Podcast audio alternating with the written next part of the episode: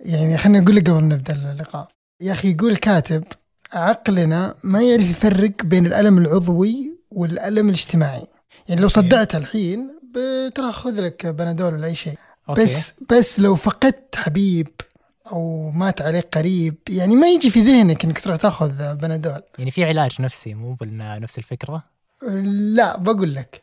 الرجال راح جاب مجموعتين وخلاهم يأخذون يوميا آه طبعا هذه المجموعة رقم واحد ياخذون أوكي. يوميا ألف ملي من Tylenol اللي هو بنادول عندنا يعني أوكي المجموعة الثانية تاخذ دواء وهمي آه بلاسيبو يعني أي بالضبط وجلسوا أوكي. يطلبون هم يجاوبون عبر الإيميل كمية طيب. الألم الاجتماعي اللي تشعر فيه هذا اليوم الإجابة طيب. صادمة الصدق آه لقى إن اللي ياخذون تايلينول اللي هو بنادول يعني كان. شعورهم بالألم أقل من اللي ما اخذوا عاد هذه. مو بدعاية يعني بكرة يخلص بنادول بس الكاتب يبغى يوصل انه من جد آه عقلنا ما يعرف يفرق بين الألم الاجتماعي والألم العضوي. فيعني اللي بالتجربة انه لو أخذت آه، دواء المفروض يداوي, يداوي شيء عضوي فجسمك يمكن يستخدمه في إنه يداوي نفسه اجتماعيا. بالضبط. والله شيء مثير الصدق. هذا بودكاست الفجر من ثمانية. بودكاست فجر كل يوم. نسرد لكم في سياق الأخبار اللي تهمكم. معكم أنا عمر العمران. وأنا تركي القحطاني الخبر الأول اليوم عن تأخير مهمة ناسا اللي بترسل فيها البشر مرة ثانية للفضاء. والخبر الثاني بنتكلم عن سياق الاتفاق النووي اللي صار في 2015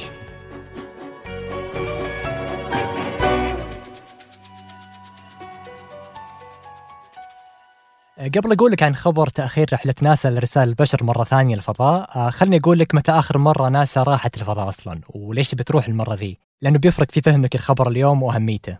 آخر مرة ناسا راحت الفضاء كانت في عام 1972 تحت برنامج اسمه أبولو. وأبولو معناه إله الشمس في الأساطير الإغريقية ويمكن تحس المعلومة غير مفيدة لكنها بتكون مفيدة بعد شوي. الاسم هذا اطلقوه على برنامج أول بعثة أمريكية للقمر. والبرنامج فيه عدة رحلات يعني مثلا من أبولو 1 إلى أبولو 17 غالبا إنك سمعت عن أبولو 11 لأن فيها وطأ رائد الفضاء نيل أرمسترونغ سطح القمر كأول إنسان يسوي ذا الشيء. أو له مقطع مشهور وهو يمشي على القمر وقال وقتها جملة المشهورة هذه خطوة صغيرة للإنسان ولكنها قفزة كبيرة للبشرية. ولو سألت ليش من 1972 إلى الحين ما طلعوا مرة ثانية فلازم عشان نجاوب على هالسؤال نرجع لسياق رحلاتهم بالستينات والسبعينات عشان نفهم دوافعها. بذاك الوقت كانت الحرب الباردة بين أمريكا والاتحاد السوفيتي في قمتها وأحد أهم ميادينها كان سباقهم في الإنجازات الفضائية. يعني مثلا أول إنجاز أنك ترسل أي شيء وتخليه يدور حول الأرض. وهذا كان شرارة سباق الفضاء لما الاتحاد السوفيتي أرسل سبوتنيك 1 اللي هو مجرد كرة حديدية وكم مرسل إشارة وحتى دار حول الأرض تقريبا ثلاث شهور ثم طاح. فبعد هالتهديد أمريكا أنشأت ناسا عشان تواجه السوفيت وكندي في خطابه المشهور اخترنا أن نذهب للقمر في 1962 قالوا إنه لازم نوصل القمر قبل نهاية العقد وطبعا بالفعل في ابولو 11 صار رائد الفضاء الأمريكي نيل أرمسترونغ أول إنسان يوصل القمر. فلو لاحظت يعني سياق رحلات أمريكا القمر بالستينات والسبعينات مرتبط بشكل رئيسي بالسياسة وحربهم البارده مع الاتحاد السوفيتي. عشان كذا كان متوقع إنه في العقود اللاحقة ما يهتمون لتكرار الرحلة الغالية جدا لسبب بسيط وهو إنه الدافع الرئيسي اللي وداهم القمر بالستينات غاب. فبالنهاية الصرف الهائل اللي تسويه ناسا لازم يوافق عليه الكونغرس ولأنه يجي من فلوس اللي يدفعوا الضرائب والكونغرس يعني ما هو الا مجلس لتمثيل دافعي الضرائب فطبيعي إنهم ما ينفذون رحلات بشكل متكرر. لكن اليوم نيلسون رئيس ناسا الحالي لما سألوه طيب ليش بنرجع القمر مرة ثانية؟ قال لتحقيق مكاسب اقتصادية وللاكتشاف العلمي والهام الاجيال القادمة من العلماء والمهندسين ولنسبق دولة أخرى في ذلك. وطبعا هالمرة يقصد الصين اللي تخطط ترسل رواد فضائها للقمر بالسنين الجاية. أوه عاد إذا دخلت الصين يعني الموضوع حامي. بالضبط فأنت تشوف شلون كان كانت الحرب بينهم في الستينات مع الاتحاد السوفيتي فايش بيصير الحين مع الصين؟ بس عموما بعد ما عرفنا متى آخر مرة طلعت ناسا الفضاء وليش يهمها البرنامج خلني أقول لك وش اللي صار. اللي صار إنه ناسا أعلنت عن تأجيل إطلاق صاروخ الفضاء اللي كان مقرر إنه يطلق الاثنين الماضي يعني 29 أغسطس إلا أنه تأجل. وطبعا مفترض إنه يطلق مجددا في فترة بين 3 إلى 5 سبتمبر إلا إنه أيضا تأجل مرة أخرى. وهالشيء صار بسبب مشاكل تقنية وميكانيكية. وإذا مهتم تعرف السبب بالضبط فالسبب هو تسرب كبير في الهيدروجين. وكان يمكن يجازفون لكنهم أصروا على إن السلامة وأمان الرحلة أهم وإنهم ما راح يطلقونه إلا لو كان جاهز تماما. وعاد المتوقع إنهم يرجعون يحاولون في فترتين متفرقة إما نهاية سبتمبر أو أكتوبر. طبعا الرحلة ذي تابع البرنامج عندهم اسمه آرتمس اللي هو مأخوذ من التوأم لأبولو اللي تعني إله القمر. فالبرنامج مفروض يتم على ثلاث مراحل. المرحلة الأولى اللي هي آرتمس 1 واللي هم فيها الحين. المفروض يرسلون ثلاث دمى فيها حساسات تجرب أنظمتها الجديدة وتسجل بيانات من داخل المركبة. وهالمركبة راح تدور 38 يوم حول القمر وبعدها بترجع الأرض. وبعدها عاد بيحللون المعلومات ويبدؤون المرحلة الثانية اللي هي ارتمس 2 في عام 2024 وعاد في المرحلة بيرسلون رواد فضاء صدقيين وبيدورون حول المسار القمري وبيرجعون بعدها للأرض. أما الرحلة الثالثة اللي هي ارتمس 3 اللي مفروض تصير في 2025 فبيهبط فيها رواد الفضاء على سطح القمر وبيعيشون لمدة أسبوع كامل. لا تحاول تقنعني ما ما أتوقع إني أبغى أروح للقمر. والله عاد ما أتوقع إنهم ينتظرونك عندهم الرواد الجاهزين. وطبعا رواد الفضاء في الرحلات اللي قبل كانوا كلهم ذكور وكلهم من أصحاب البشر البيضاء. فهالمرة نيتهم إنهم يرسلون رائده فضاء أنثى ورائد فضاء ياباني. فأنت يعني خارج الحسبان في كل الأحوال. وعموما يقال إن اجمالي تكاليف الرحلات هي 93 مليار دولار يعني 348 مليار ريال سعودي. أكيد صجوا راسك الصحف والأخبار والقنوات بسالفة النووي الإيراني. آه، يعني الصدق إيه هو صار في 2015 ثم فجأة كذا كل الأشياء تغيرت ومو بواضح الصدق يعني صار معقد. خليني اليوم أقول لك كل شيء تحتاج تعرفه عن موضوع النووي الإيراني وسالفة الاتفاق. وين واصله إيران في مشروعها القنبلة النووية؟ وإيش هدف الاتفاق النووي؟ وإيش ممكن يصير أصلا لو اتفقت إيران مع أمريكا؟ جاهز يا عمر؟ يلا جاهزين. ركز معي لأن بنرجع لأول حدث مهم. في عام 2015 صار حدث منطقة الشرق الأوسط الصدق أنه مثير ومقلق. وافقت إيران على صفقة طويلة الأمد. مو سنة ولا سنتين عشرات السنين. بخصوص برنامج النووي. والاتفاق هذا كان مبرم مع قوى عالمية. أمريكا بريطانيا فرنسا الصين روسيا. بالإضافة إلى ألمانيا. الاتفاق ينص على أن إيران موافقة على الحد من أنشطتها النووية الحساسة.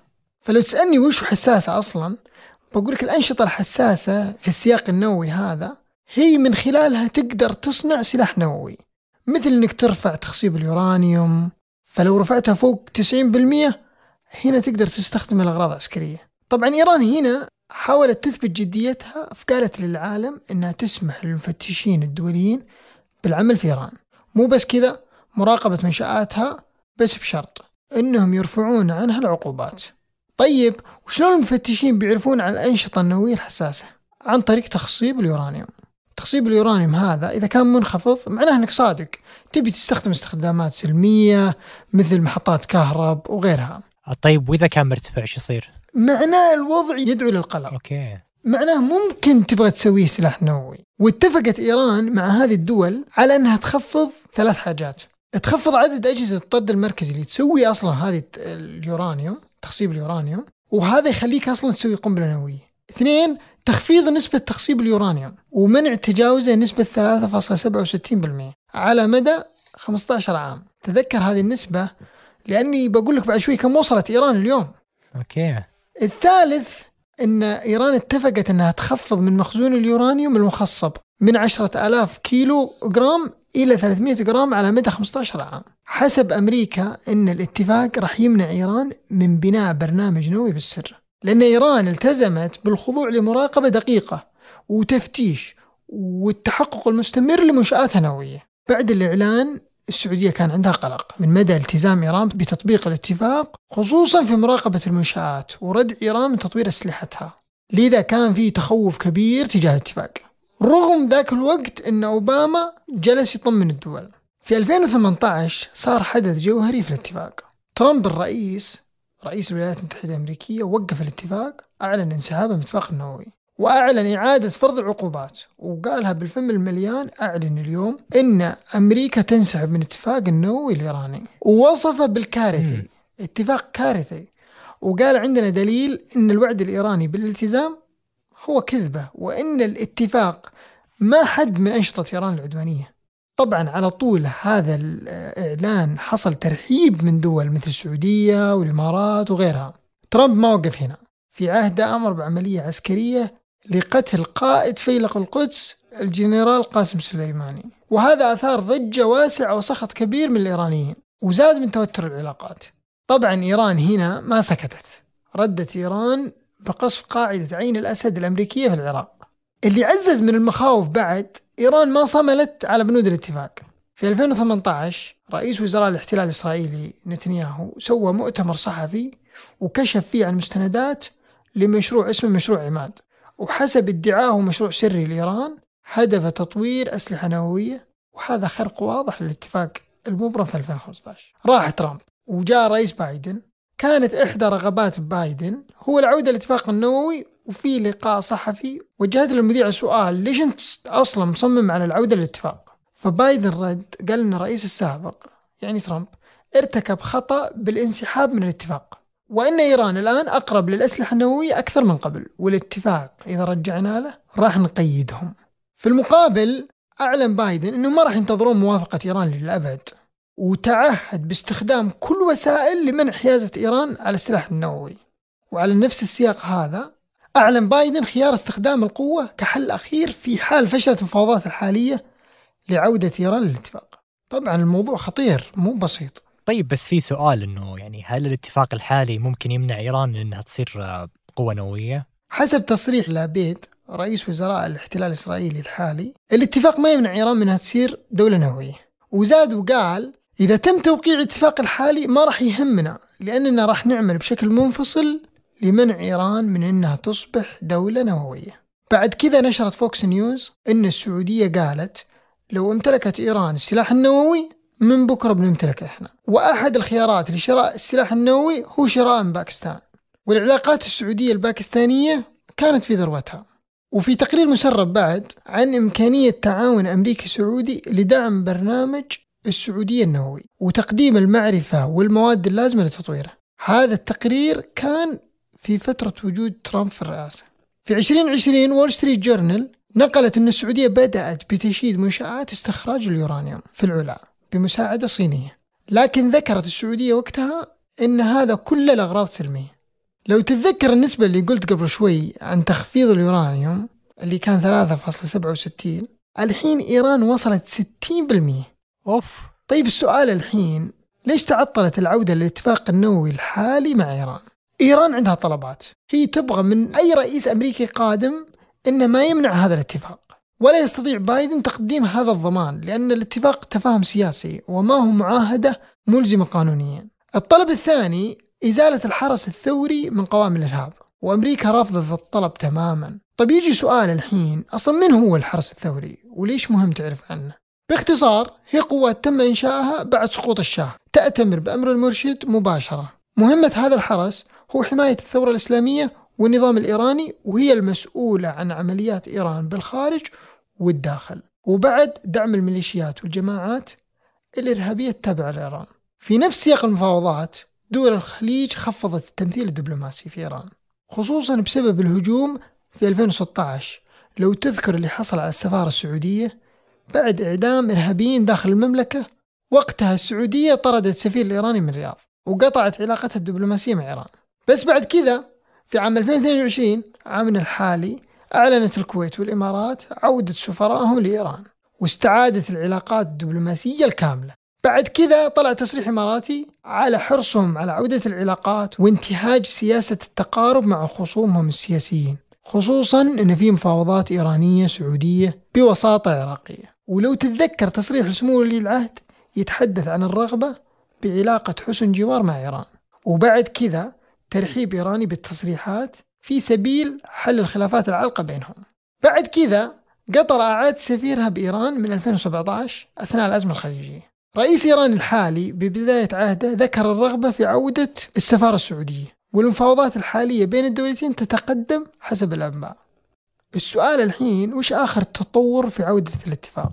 إيران تأخرت في الرد على مقترح من أمريكا جاء عبر وسطاء أوروبيين وأمريكا قالت أن هذا التأخر مو إيجابي. آه طيب ليش إيران رفضت المحادثات المباشرة أصلا؟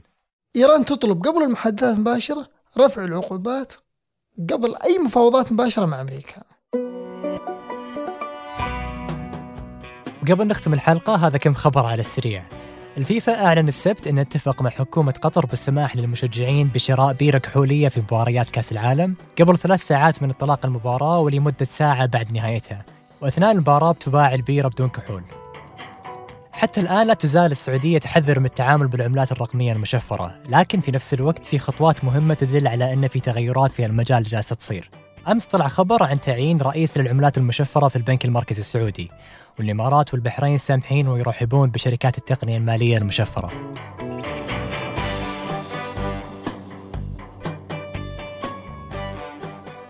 أنتج هذه الحلقة نايف العصيمي وحيدر الخليفة وقدمتها أنا تركي القحطاني. وأنا عمر العمران. وحررها محمود أبو ندى. نشوفكم بكرة الفجر.